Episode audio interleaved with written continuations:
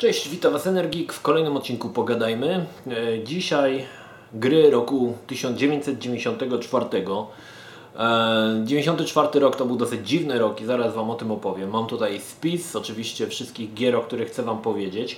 Podobnie jak poprzednio, wszystkie gry, które e, powinny się znaleźć, bo były w jakiś sposób kultowe, ale mówiłem o nich wcześniej, w, e, to było grane, znajdziecie je na dole w opisie, linki do nich. Aczkolwiek pojawi się tutaj jedna gra, która była w to było grane, jest to jeden z pierwszych moich filmów, jaki nagrałem na YouTubie, ale postanowiłem tą historię opowiedzieć jeszcze raz, bardziej dokładnie, ponieważ w odcinku to było grane, było to tylko e, napomknięte. 94 rok, słuchajcie, to e, czas, kiedy Amiga, da, dla Amigi był wbity już gwóźdź do trumny. Pojawiły się CD-ROMy, e, o których dowiecie się wcześniej. Opowiem Wam e, o moim zakupie CD-ROMu, ponieważ miałem z tych wszystkich graczy, jakich znałem w ówczesnym czasie, miałem jako jedyny CD-ROM i to było dosyć takie no wow, tak, CD-ROM był takie wow, e, szczególnie do, do komputera i oczywiście o tym wszystkim e, się dowiecie przy okazji omawiania e, tytułu. E, Zaczniemy może właśnie od tego tytułu, żeby to było e, no po prostu, żebyśmy troszkę wprowadzili się w, w, w lżejszy klimat. Pierwszą grą, o której chcę Wam powiedzieć, która jest dla mnie bardzo, bardzo ważna, jest to Mad Dog McCree 2 z podtytułem The Lost Gold. E, Była to pierwsza gra na CD, jaką nabyłem. Oryginalna gra i w ogóle gra na CD.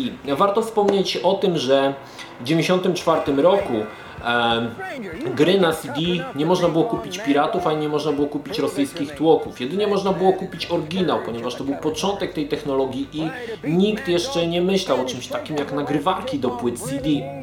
Mój pierwszy CD-ROM, e, który dostałem od rodziców, właściwie dostałem, no, po prostu wierciłem im brzuch, dziurę w brzuchu dotąd, aż mi nie kupili, bo wtedy jeszcze oczywiście nie pracowałem. W 1994 roku to był e, CD-ROM podwójnej prędkości i był to CD-ROM firmy Mitsumi. Jednakże różnica w budowie CD-ROMu dzisiejszych CD-ROMów i przykład Blu-rayów była znaczna. Dzisiaj podłączając Blu-ray do komputera macie dwa kabelki, zasilanie i SATA, bądź przy starszych modelach IDE. Podłączacie je do płyty głównej i to oczywiście działa. W tamtym czasie CD-ROMy potrzebowały swojej własnej karty, był to tak zwany kontroler. Karta, w którą wpinało się w slot ISA, to jest coś, wygląd, było to wielkości gdzieś karty graficznej, takiego GeForce'a powiedzmy Titanium.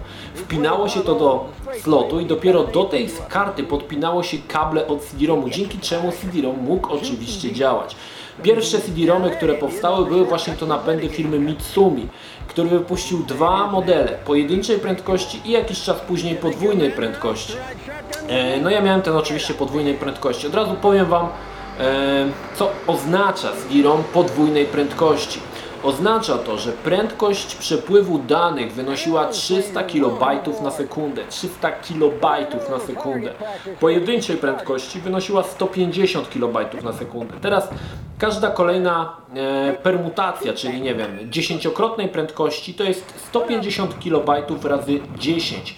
Przy DVD i Blu-rayach oczywiście są to inne wartości, ale przy CD-ROMach mm, pojedyncza prędkość to było 150 kB na sekundę. Dodam tylko, że zgranie jednej płyty na dysk twardy na CD-ROMie pojedynczej prędkości trwało godzinę, na podwójnej trwało pół godziny. E, ok. Mad Dog, słuchajcie, też y, ciekawa sprawa, ponieważ y, gdy kupiłem CD-ROM i było to na giełdzie, pojechałem tam z tatą, który zapłacił mi za ten CD-ROM i gościu, który sprzedawał CD-ROM, no chciałem mieć jakąś płytę, ponieważ w CD-ROMie nie było żadnej płyty, nawet nie było sterowników, sterowniki były na dyskietce. Więc mówię, żeby dał mi jakąś płytę, gdzie mógłbym pokazać możliwości tego CD-ROMu. No i gościu mi dał płytę. Mam ją gdzieś w na Redkini. Nie, przy, nie przygotowałem jej dzisiaj, ponieważ jest ona u moich rodziców w domu, ale może kiedyś ją pokażę. Była to pierwsza płyta CD, jaką miałem kiedykolwiek. Podniecony, podjarany, przybiegłem do domu, odpalam tą płytę, a tam po prostu Płyta zawierała zestaw klipartów dosyć miernej jakości, ponieważ w rozdzielczości 640 na 480 może nie klipartów, to były takie obrazki, obrazki jak z Shutterstocka, takie zdjęcia i jakieś około 20 filmów wielkości znaczka pocztowego, nieskompresowanych w formacie AVI. I te filmy były całkowicie od czapy, y, jakieś pokazujące jakiś widoczek albo w jakiejś fabryce. Zupełnie te filmy do niczego się nie przydawały.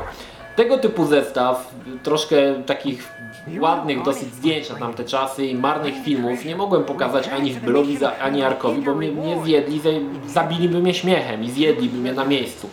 Postanowiłem poczekać, nie wspominać na razie o tym, że posiadam CD-ROM i poczekać do przyszłego tygodnia. W przyszłym tygodniu pojechałem znowu z tatą na giełdę komputerową. Liczyłem na to, że gość wymieni mi tą płytę z tymi naprawdę badziewiastymi materiałami na jakąś grę. E, niestety nie chciał wymienić. Powiedział, że on już tej płyty nie chce i nie chce mieć z nim nic wspólnego. Także wiedziałem, że wcisnął mi baraku. Byłem bardzo smutny, ale tata mówi, dobra, to ja Ci kupię jedną grę, wybierz sobie którąś. I tutaj dochodzimy do jednej ciekawostki.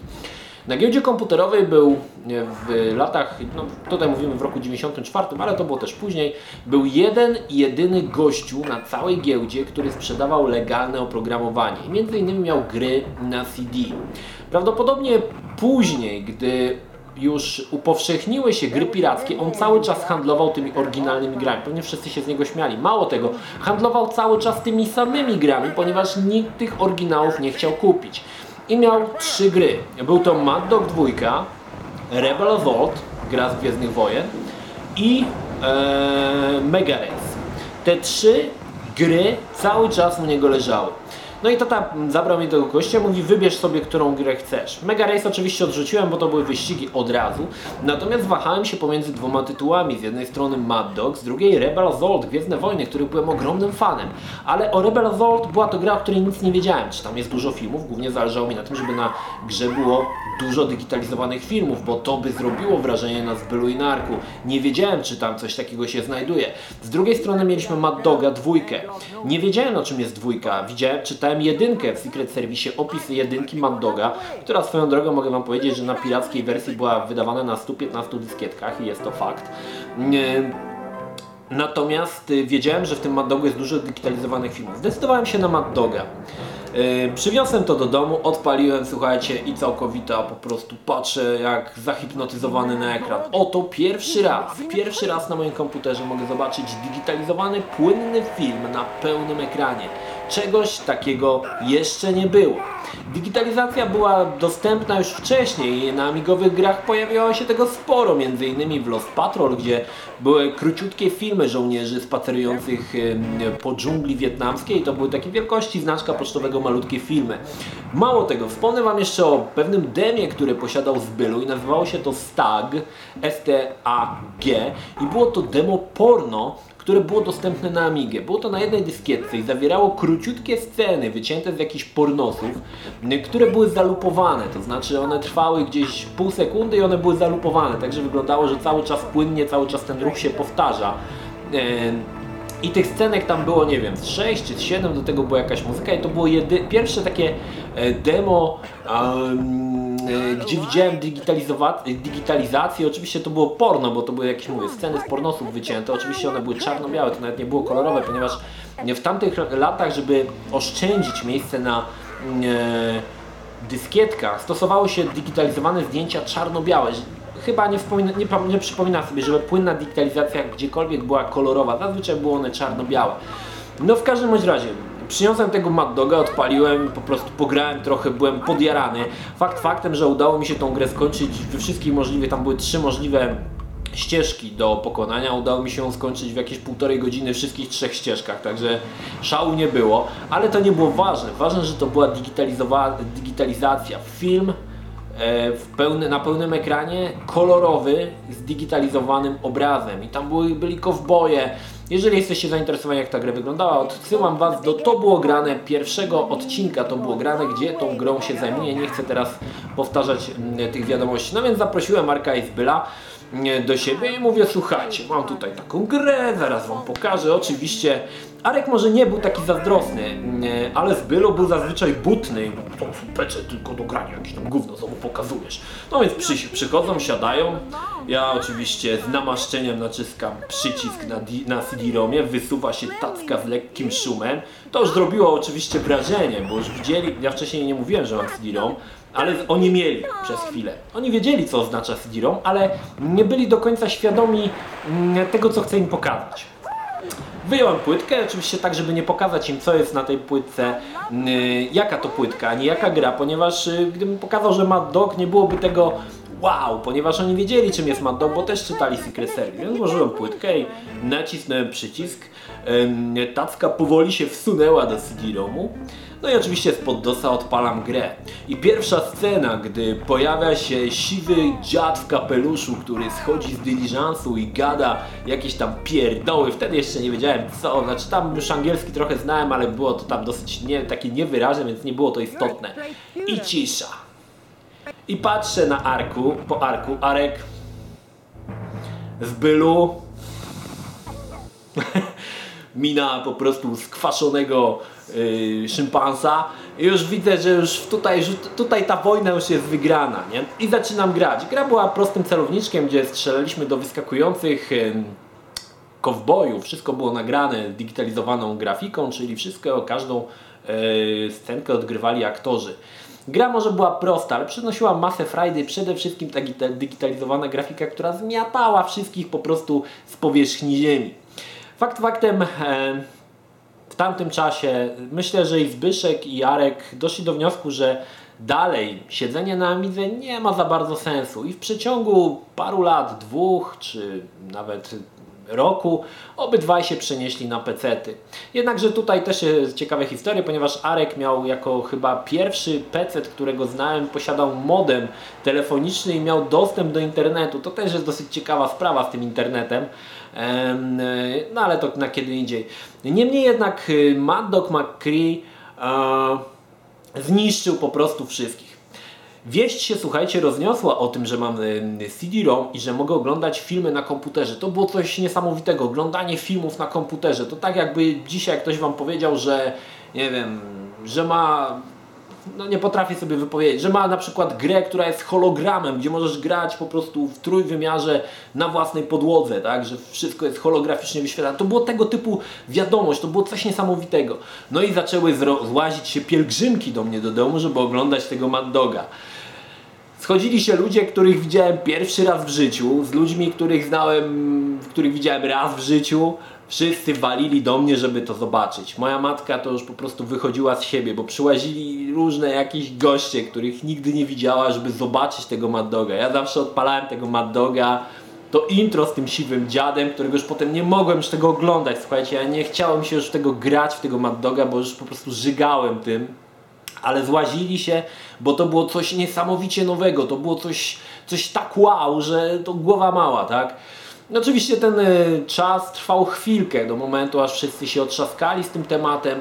E, no i potem już e, w kolejnych latach CD-ROMy wchodziły coraz bardziej do powszechnego użytku i coraz więcej ludzi je miało, ale pierwszy raz wiele osób na Redkini z, mojego, z moich, moich kręgów, że tak powiem, znajomych, jak i spoza, bo często byli to ludzie, których nie znałem, pierwszy raz zetknęli się z grafiką właśnie digitalizowaną z CD-ROMu właśnie w moim domu, gdy odpalałem im tego e, Mad Doga. W każdym razie Arek ze Zbylem no tutaj już niestety musieli dać za wygraną i wiedzieli, że Amiga w tym momencie nie ma możliwości zawalczenia z PC-tem. Oczywiście pojawiła się Amiga CD32, ale to było tak koszmarnie drogie i niedostępne w Polsce, że mało kto się w tym wtedy e, przejmował, ani, a, ani nikt się tym nie interesował. Drugą grą, którą chcę Wam powiedzieć, jest fajny tytuł, dzisiaj troszkę zapomniany, nazywał się to Battle Bugs. Była to gra e, logiczno strategiczna, gdzie sterowaliśmy armią małych robaków, różnych żuków, mrówek. Cała akcja zazwyczaj działa się na jednym ekranie e, i naszym zadaniem, ale to nie zawsze, były misje, które były troszkę, troszkę większe niż jeden ekran, ale to nie jest istotne. Mieliśmy do dyspozycji określoną liczbę robali, określonego typu, na przykład nie wiem, mrówki, żuki, jakieś e, tych e, skot, jak się mówi, e, grasshoppery. You're a tiny grasshopper! Oczywiście mówię o, zawiesiłem się, koniki polne i mieliśmy robali przeciwnika. I naszym celem było pokonać jednych, naszymi, naszymi oddziałami pokonać tych, te oddziały wroga. Warto wspomnieć, że nie było tam możliwości e, za bardzo e, do kupowania czy tworzenia jednostek, jak to mamy na przykład w Command Conquer. Mieliśmy określone jednostki, mogliśmy je wykorzystać, trzeba było je wykorzystać na tyle e, w sposób, e, w sposób sprytny, żeby pokonać wrogów, tak? Misje działy się zazwyczaj na jakimś stole, a tu leżał fragment pizzy, a tu rozlany jakiś dżem. No i to muszę przyznać, że to było naprawdę fajnie. Grafika była w wysokiej rozdzielczości, to wyglądało naprawdę fajnie, te małe, e, małe robale, które ze sobą walczą. Warto zwrócić uwagę, że były zastosowane też różne ciekawe patenty, na przykład mrówki, o ile dobrze pamiętam, już chyba mrówki, potrafiły rzucać takimi niewielkimi kamieniami, czy co to, co, co, coś takiego. I tu było na przykład zastosowane coś takiego, że były żuki, które posiadały hełmy. No i oczywiście rzucenie ich kamieniem w hełm, no nie pokonywało tych żuków. I była taka misja, gdzie były dwa żuki i dwie mrówki. I na środku było jakieś takie pudełko, na które można było wejść, coś takiego. Pamiętam, że z tą misją długo się męczyłem, bo jak mi się udało pokonać jednego żuka, rzucając tymi em, kamieniami, to drugi zaraz dopadał te mrówki i je po prostu tam masakrował. Co się okazało? Wystarczyło wejść na to pudełko i sprawić, żeby te kamienie spadały z wyższej wysokości. Wtedy te żuki szybciej po prostu ginęły. Szybciej te czachy pękały pod tymi hełmami. To było tak, zapamiętałem ten mały niuans, że coś takiego zaimplementowano, że im wyżej postacie są, tym dłużej leci kamień i wy, wyrządza dłuższe, e, większe obrażenia. To było dosyć, dosyć, e, wtedy pamiętam, że byłem naprawdę tym zafascynowany, że coś takiego postanowiono e, zamieścić. Nigdy mi się Battle Bugs nie udało skończyć. E, zatrzymałem się na którejś misji, której nie mogłem już pokonać. E, niemniej jednak gra w mojej opinii bardzo fajna. Przede wszystkim świetny pomysł. E, nigdy potem chyba nie zostało to w taki sposób wykorzystane jak w Battle Bugs. jeżeli macie chęć, polecam, polecam, bo ta gra jakoś, powiem szczerze, nawet się nie zestarzała i dzisiaj graficznie też wygląda ona całkiem nieźle. Y, kolejną grą, którą chcę Wam powiedzieć jest gra, o której wszyscy się podniecali, a którą ja po prostu nie trawiłem całkowicie. Jest to Descent, czyli tym razem e, Doom przeniesiony da w takie korytarze jakiejś stacji kosmicznej, gdzie możemy poruszać się nie tylko na boki, w dół i w przód, ale jeszcze może w przód i w tył, ale jeszcze góra-dół, czyli sterujemy stateczkiem po takich korytarzach, i możemy do, poruszać się w, dowolną, e, w dowolnym kierunku. Descent był e, w 1994 roku uważany za grę przełomową, bo oto uwolniono e, bohatera, który poruszał się tylko w kierunkach w kierunkach znanych człowiekowi, znaczy tak jak się człowiek porusza, ale dodatkowo jeszcze mógł się poruszać góra i dół, mógł, miał całkowitą swobodę, mógł się obracać, przewracać. Powiem szczerze, Descent mi się nigdy nie podobał, e, z tego względu, że gra była bardzo chaotyczna. Poruszanie się po tych korytarzach, gdzie często nie było wiadomo, gdzie jest góra, a gdzie dół, bo stateczek mógł się jeszcze obracać, tam się cuda działy. Walczyło się z jakimiś takimi innymi stateczkami. Pamiętam, że najbardziej wkurzającym elementem całej rozgrywki była końcówka. Otóż w końcówce podstawiało się jakąś bombę, czy wysadzało się coś i był jakiś określony limit czasowy, żeby uciec do wyjścia. No ile w pierwszych poziomach ucieczka nie stanowiła problemu, ale w dalszych, gdzie, ta, gdzie to wyjście było gdzieś tam daleko pochowane i trzeba było na pamięć wyryć wszystkie te korytarze, po których się trzeba było y, poruszać, żeby do tego wyjścia zdążyło się uciec. Pamiętam, że to mnie strasznie frustrowało. Y, potem pojawia się, warto wspomnieć, druga część Descenta, no i potem już zdecydowano, zrezygnowano z tych y, małych pomieszczeń, z tych małych korytarzyków na rzecz wspaniałego Descent Free Space, który dział się już w przestrzeni kosmicznej, ale to już jest zupełnie inna historia. Niemniej jednak Descent stanowił taką, taki przełom, taki kamień milowy, ale niewiele autorów gier poszło w tym kierunku, żeby stworzyć grę, w której możemy się poruszać dosłownie w każdym kierunku, ponieważ no, było to dosyć mylące i bardzo chaotyczne. Jak ktoś miał na przykład chorobę lokomocyjną, to obrzygany monitor był oczywiście obowiązkowy. Kolejną grą, o której chcę Wam powiedzieć, był Heretic. E, Heretic też ciekawa sprawa, ponieważ było to, była to gra oparta na silniku Duma, jednakże w odróżnieniu od Duma, gdzie strzelo, strzelało się z pistoletów, Heretic stawiał na taki e, klimat średniowieczny, a więc była broń biała i czary. E, praktycznie ta sama idea co w Dumie, jednak przeniesiona w taki właśnie jakiś RPGowy klimat. To nie było tam za dużo RPG, nie było RPG, ale taki RPGowy klimat, gdzie były orki, jakieś tam inne stwory. No i warto wspomnieć tutaj, że e, korzystało się z czarów zamiast pistoletów i z broni białej. Muszę przyznać, że Heretic o wiele bardziej mi przypadł do gustu niż, e, niż Doom, chociaż nie lubiłem nigdy takich RPGowych klimatów, jakieś strzelanie do jakichś tam, wiadomo, e, smoków czy czegoś. Nigdy mi się to za bardzo nie podobało, ale Heretic jakoś był ciekawiej zorganizowany, muszę przyznać, że firma, która produkowała e, Heretic, nie pamiętam, to było chyba Raven Software, ale mogę się mylić, e, bardzo często brała engine od id Software i przetapiała go na coś nowego, na swoją grę. Oni jakoś współpracowali, tam ten engine dostawali za darmo, jakieś tam były historie, nieważne. W każdym razie, jak wyszedł, wychodziła kolejna gra e, spod skrzydeł e, id Software, czyli nie wiem, Quake, Doom, e, czy tam inne jakieś tytuły, oni brali ten engine i przekuwali to na coś nowego. I zawsze w mojej ocenie Raven Software robił coś lepszego od ID Software. Oczywiście tutaj jest kwestia gustu, ale niemniej jednak Heretic pokazał coś nowego, że w tamtym czasie był wysyp takich gier, które siedziały w jakichś opuszczonych bazach kosmicznych, jakieś strzelanie do mutantów. Było tego, wierzcie mi, od groma. A Heretic zmieniał całą ideę i pokazywał coś nowego, coś nowego, co, czego jeszcze nie było, może tak. I w mojej opinii w mojej pamięci. Pozostał on właśnie jako taką grą nowatorską, która nie powielała sprawdzonych schematów, tylko starała się wytyczyć swoją drogę i iść zupełnie w innym kierunku niż y, y, wszyscy ci y, kopierzy, kopierzy, czy jest takie słowo w ogóle, kopierzy? Ci, nie wszyscy ci deweloperzy, którzy kopiowali tego Duma na swoją własną modłę, no, oczywiście tworzyli nowych wrogów, była inna historia, ale to wszystko było cały czas to samo, opuszczona baza gdzieś tam w kosmosie albo coś. E, albo wiecie, i cały czas strzelanie. Także e, Heretic wyłamywał się z tych sztywnych ram e, gier FPS, które w tamtym czasie narzucał, można rzec, właśnie id Software.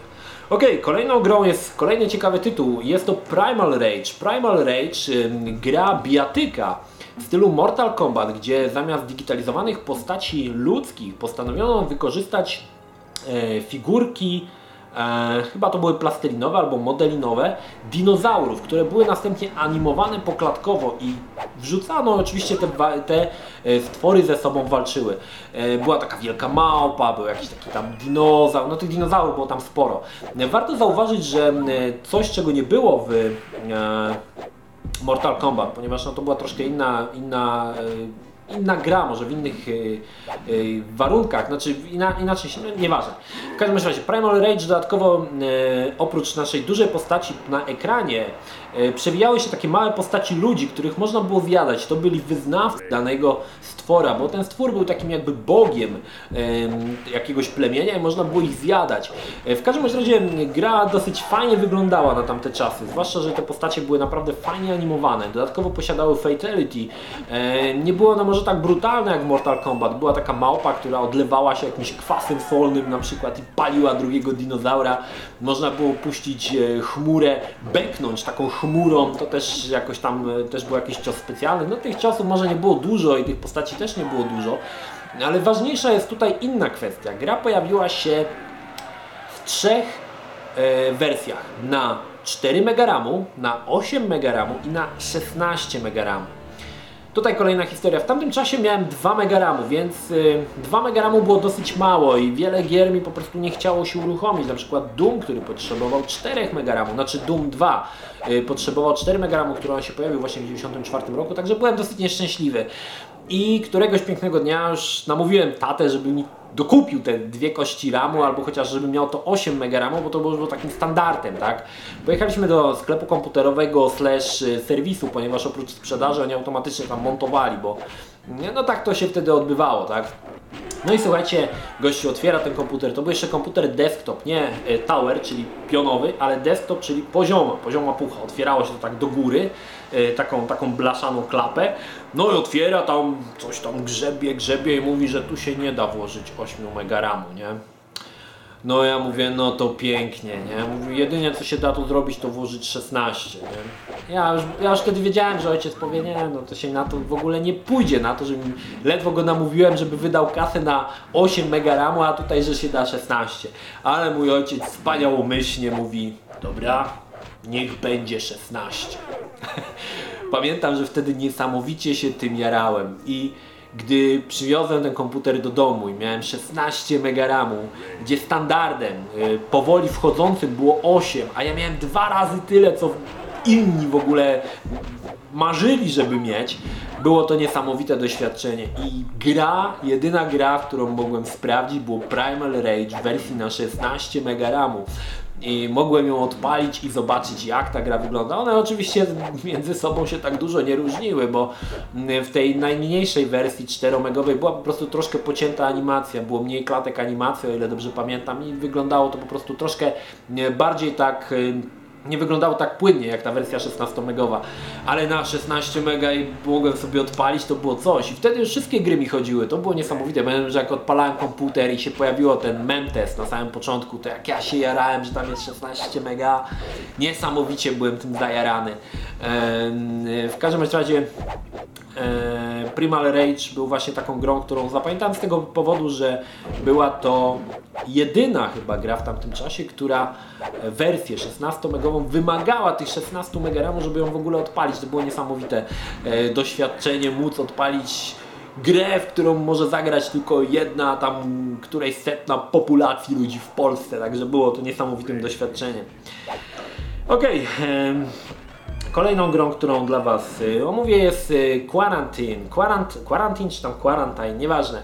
Y, ponownie wzięto pomysł z Duma, jednakże postanowiono przekuć to na coś nowego. Quarantine to gra, w której sterujemy taksówką, jednakże widok jest tak jak w każdej grze FPS. W tamtym czasie nie, nie było możliwości, żeby widok był, nie wiem, jak w Gran Turismo. Czyli widzieliśmy tak dokładnie tak jak w Dumie, jednakże sterowaliśmy taksówką, a więc y, zamiast chodzenia hipkiem po bazie na Marsie jak w Dumie, sterowaliśmy taksówką. Y, cała mm, akcja gry działa się w jakimś mieście i naszym celem było przewożenie klientów z jednego miejsca w drugie. Oczywiście w tym mieście było pełno jakichś psychopatów w innych samochodach, którzy strzelali, rzucali miny, e, starali się nam wszystko zrobić, żeby naszą małą taksóweczkę, wiecie, z miejsc powierzchni ziemi, ale my też mogliśmy dokupować kolejne rzeczy, karabiny, strzelać i było to właśnie takie dosyć nowatorskie, że poruszało się po mieście. Oczywiście to miasto, to było też bardzo, bardzo umowne. Warto zwrócić uwagę, że w Quarantine było coś takiego jak odległość widzenia, czyli jak daleko widziała kamera i było to bardzo e, niewielki fragment było widać, ponieważ reszta była całkowicie zaciemniona i było po prostu to czarne, więc e, gra była bardzo taka ciemna, mroczna. Niemniej jednak było to coś nowego, coś nowego wprowadzono e, całkowicie nowy temat, że tak powiem, do gier FPS, gdzie zamiast hipkiem sterowaliśmy samochodem. Oczywiście to wszystko było modne, bo to samochód to tylko zamiast mieliśmy hada z postacią, z ilością mm, życia, mieliśmy po prostu samochód, który i deskę rozdzielczą, który był może troszkę bardziej bezwładny niż e, hipek w Dumie.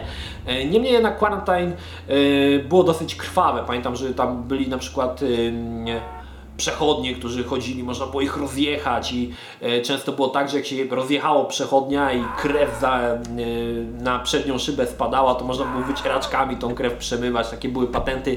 E, później ten temat zaadoptowała troszkę firma, która stworzyła Carmageddon na podobnej zasadzie, ale pierwszy właśnie był Quarantine z dość ciekawym pomysłem. Także gra była dosyć krwawa, jednakże nie była tak dobra dla graczy, tak dobra jak Doom.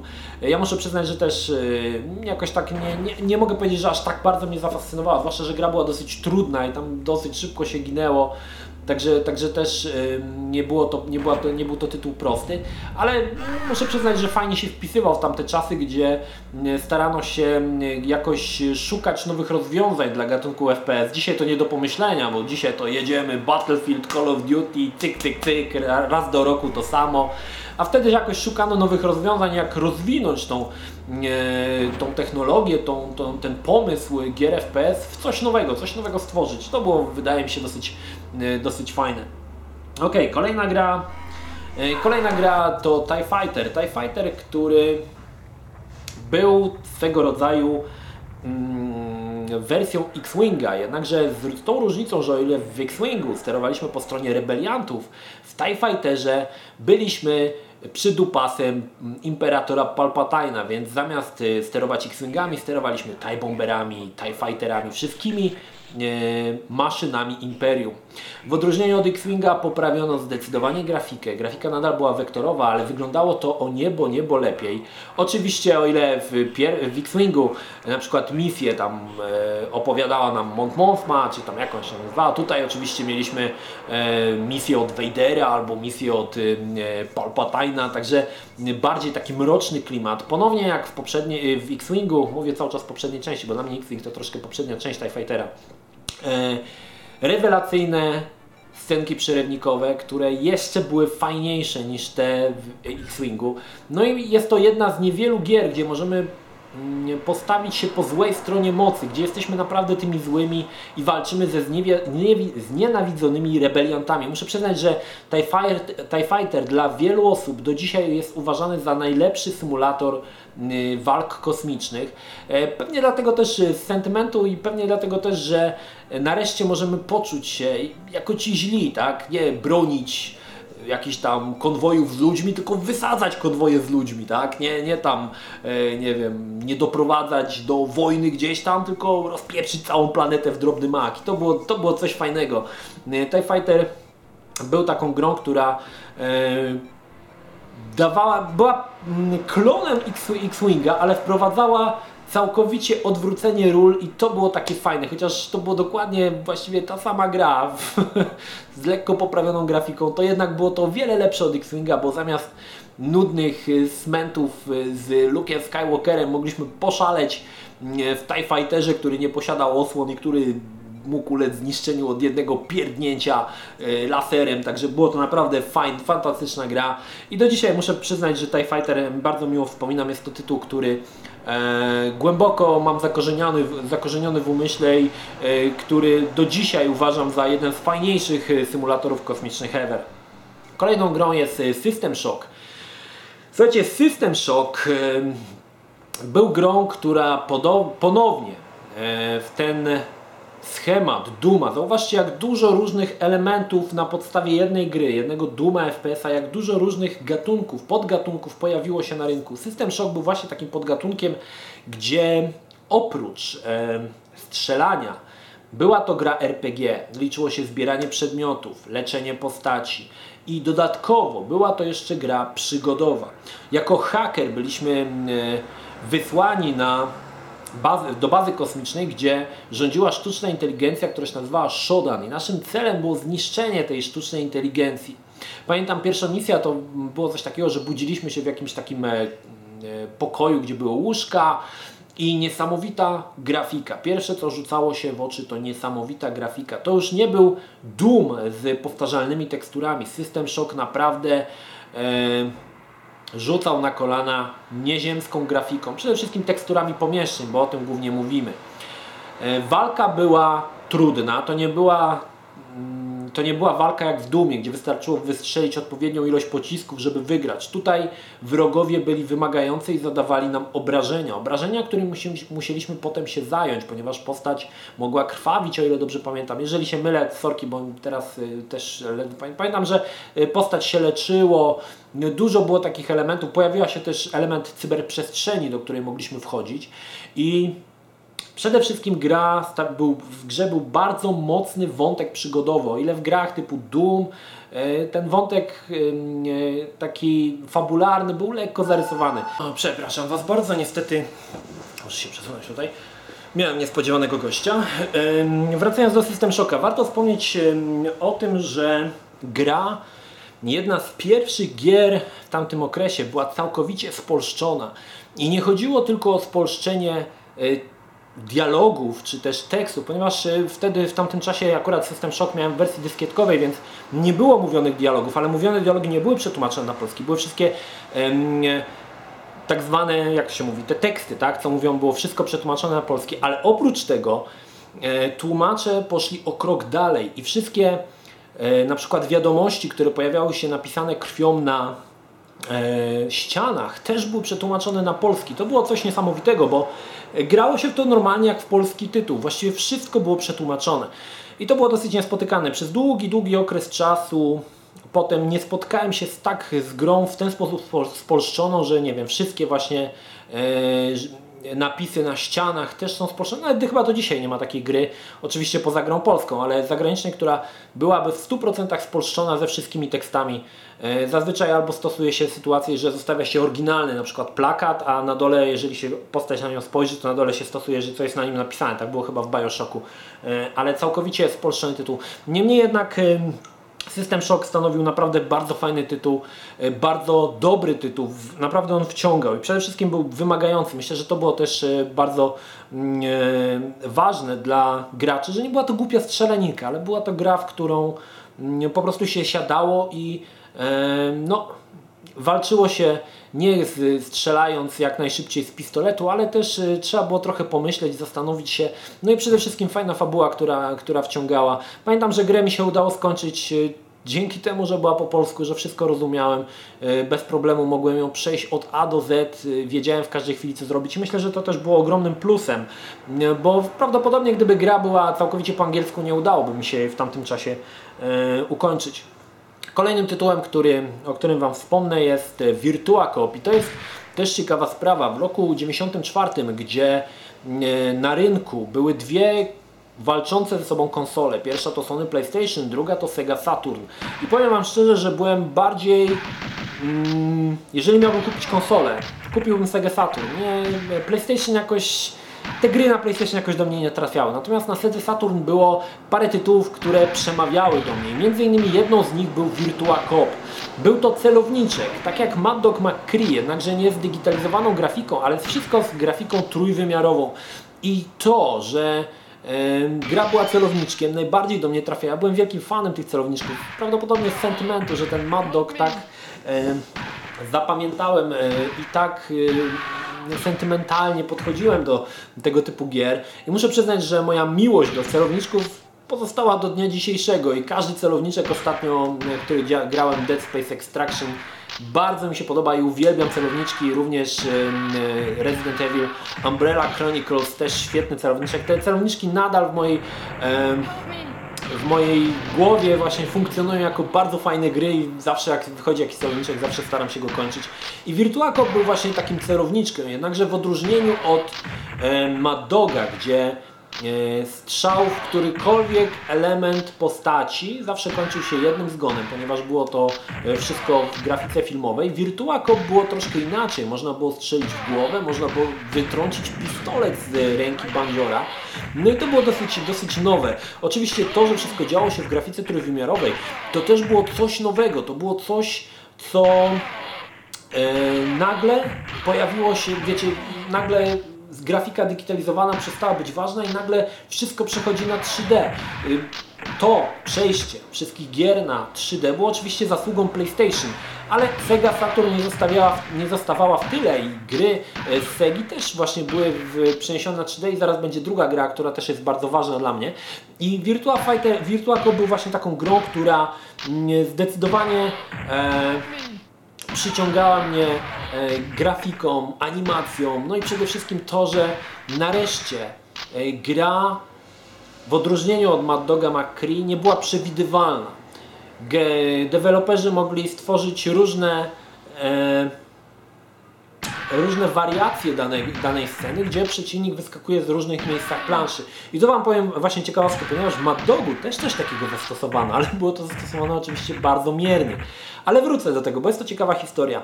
W większości scen w Mad Dogu yy, Postacie nas występ, e, wyskakiwały, wrogu wyskakiwały po sobie. Także na przykład scena była kręcona z jednego ujęcia kamery. Wszyscy wrogowie wyskakiwali dokładnie w tym samym miejscu, dokładnie w tym samym czasie. Ale postanowiono z tym troszkę powalczyć. I stworzono planszę, gdzie e, postacie wyskakiwały randomowo. Na przykład była taka plansza, e, jakiś taki był... E, kamienie i za tych kamieni wychylały się e, postacie kowbojów. I to było zrealizowane randomowo, że raz przy jednej grze wyskoczył z tamtego kamienia, przy innej z tego.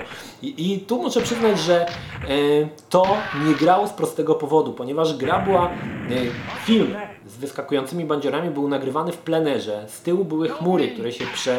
Oczywiście no chmury w miejscu nie stoją. I jeżeli był przeskok na inną scenę, gdzie postać na przykład nie wiem, wyskakiwała z innego miejsca, to te chmury u góry się oczywiście przesuwały, ponieważ no one były, wiadomo, one nie stały w miejscu i to wyglądało dosyć dziwnie.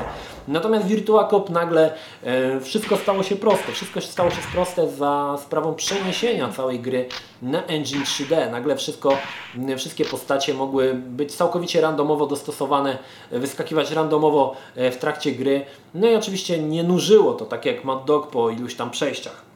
No i ostatnią grą, którą chcę Wam powiedzieć, jest druga gra, e, która się pojawiła na Sega Saturn. Jest to Virtua Fighter 2. I to jest też ciekawa historia. E, w tamtym czasie, w 1994 roku, nie było czegoś takiego jak GeForce, czyli karta grafiki obsługująca grafikę 3D. Dzisiaj m, większość osób, która nie wychowała się w tamtym czasie, ciężko będzie to e, w jakiś sposób Wam wytłumaczyć. Dzisiaj karty graficzne obsługują grafikę 3D. DirectXa kiedyś karty nie obsługiwały grafiki 3D, obsługiwały głównie grafikę y, sprite'ową. Oczywiście jakieś tam pseudo 3D, jak Alone in the Dark, znaczy pseudo, no 3D, ale wektorowe się pojawiało. Virtua Fighter 2 był grą, która potrzebowała ogromnej mocy grafiki, e, ogromnej mocy karty graficznej, aby wyświetlić płynnie e, grafikę tak skomplikowaną, jak była ona pokazana w Virtua Fighter 2. I tutaj dochodzimy do jednej ciekawej rzeczy, mianowicie w 1994 roku pojawiła się recenzja na łamach Secret Service'u karty, która się nazywa S3 Virge.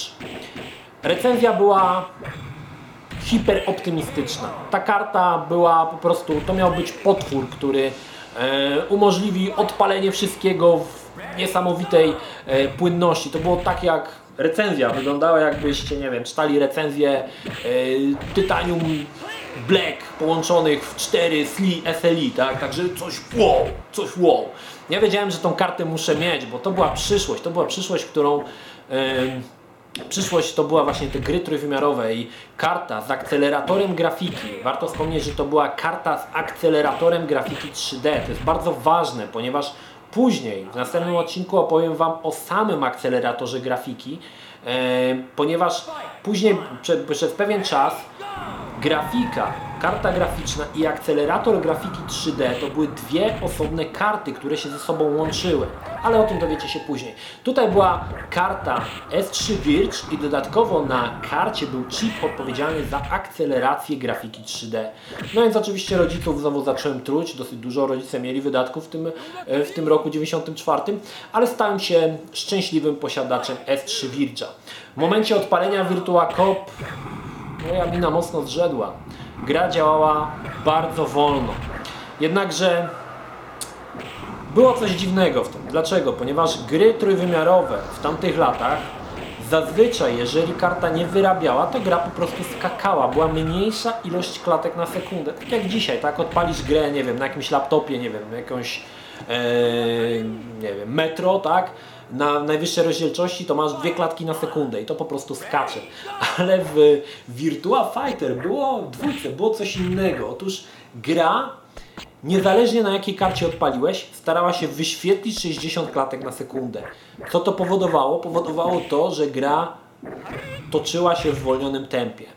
To znaczy, jeżeli gra miała działać na przykład w 30 klatkach, a, mia, a karta mogła wyświetlić tylko 15, więc e, jedna sekunda działa się dwie sekundy, czyli gra działa po prostu dwa razy wolniej.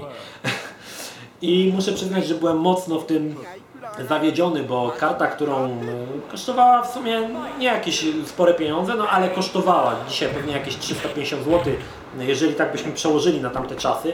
Także były to jakieś, e, jakieś pieniądze i karta nie spełniała w ogóle swojego zadania. Mało tego, w Secret Service potem pojawiły się pojawiło się pisemne przeproszenie za hiper e, taką optymistyczną recenzję tej karty, ale co z tego? Ja wydałem już pieniądze. E, kupiłem kartę opierając się na recenzji, która była całkowicie nierzetelna, prawdopodobnie była opłacona przez kogoś, kto e, chciał sprzedać jak najwięcej tych kart. No i stałem się posiadaczem karty, która była po prostu zwyczajnym bublem. Warto zauważyć, że w tamtym czasie jeszcze nie było zbyt dużych e, możliwości na wybór innej karty, także S-Virge e, był dobrą kartą w tamtym czasie, jednakże akceleracja grafiki 3D była po prostu zwyczajnym bublem. No i słuchajcie, ten Virtua Fighter, działo się to wszystko w zwolnionym tempie. Postacie skakały, właśnie jeżeli graliście Virtua Fightera dwójkę, to wiecie, postacie skakały dwa metry wyżej i zazwyczaj grałem tam Cage'em, to był taki ninja. Więc jak on wyskakiwał, to on leciał. Ja tak patrzyłem, jak leci i spada. No gdzieś w takim tempie to się działo. Virtua Fighter natomiast był, zasłynął z innego powodu. Niesamowitą liczbą ciosów. E, każda postać posiadała około chyba 200 ciosów, o ile dobrze pamiętam, specjalnych. Mało tego, nie było tam głupot typu firebole, jakieś dziwaczne rzeczy. Wszystko opierało się na tradycyjnych sztukach walki i prawdopodobnie gdybyś oglądał E, wojownika Virtua Fighter mógłby się nauczyć prawdziwej walki, ponieważ te ciosy były skopiowane z oryginalnych jakichś tam mistrzów, którzy pewnie służyli motion capture, capture mistrzów walki. No i te ciosy były całkowicie, to była e, taka biatyka, która stawiała głównie na realizm. Na realizm, poza tymi skokami niesamowicie wysokimi, korzystało się z e, aktualnie istniejących sztuk walki bez jakichś pierdół typu fireball i tego typu rzeczy. Także to było to było coś nowego, zwłaszcza, że konkurencyjny Tekken e, no, korzystał z różnych tam jakichś takich dziwacznych rzeczy, które się pojawiały, natomiast Virtua Fighter był mocno e, osadzony w rzeczywistości. Poza tymi wielkimi skokami i ostatnim bossem, który był chyba Dural się nazywał, to była taka postać jakiegoś takiego płynnego metalu. Niemniej jednak Virtua Fighter dużo grałem, głównie grałem Cage'em, pamiętam, że naprawdę byłem wymiatacz w tego Virtua Fightera, ale był jeden problem. Ja grałem w zwolnionym tempie. Granie z kimkolwiek na normalnym tempie już nie było takie dobre i dostawałbym prawdopodobnie po prostu w ciry. Gra działała po prostu w zwolnionym tempie, gdzie mogłem każdy cios spokojnie zablokować, wyprowadzić sobie spokojnie kombinację klawiszy, żeby Cage oczywiście e, kogoś tam e, zatukł. Także śmieszna historia, śmieszna historia z tym Virgem. Wiele osób się nacięło na tego Virga. E, I chyba dlatego to pisemne przeproszenie na łamach Secret Service'u się pojawiło. Zresztą chyba nawet ostatnio, ostatnio, parę lat temu czytałem, właśnie też ktoś wspominał o tym właśnie, o tej sytuacji. No ale to było aż tak głośne, słuchajcie, że Secret Service, wiecie, no wziął pieniądze od tej, może od tej firmy S3, zrobił taką recenzję na hura, ludzie pokupowali, okazało się, że jest to barachło. No ale oczywiście w przyszłym roku się to wszystko zmieni. W 1995 roku zmieni się, ponieważ pojawi się król w tamtym czasie akceleratorów grafiki Monster. Monster 3D, którego też byłem e, szczęśliwym posiadaczem i który sprawił, że gry 3D w trójwymiarze wyglądały naprawdę fantastycznie i to był już kolejny gwóźdź do trumny Amigi, która już właściwie pod koniec 1994 roku już tak mało kto już się interesował Amigo. Raczej wszyscy powoli patrzyli w stronę PC-ów, żeby przesiąść się na nie i korzystać z tej grafiki trójwymiarowej, jak i oczywiście coraz bardziej napędzającej się grafiki zdigitalizowaną grafiką, czyli takich e, tak zwanych interactive movie. To tyle odnośnie roku 94. Ja jeszcze zerknę sobie, czy wszystkie, nie pominąłem jakieś gry, ale chyba nie. Nie, to było 10 gier roku 94. Mam nadzieję, że Wam się podobało i do zobaczenia w roku 95. Pozdrawiam Was Energii, trzymajcie się do następnego. Cześć.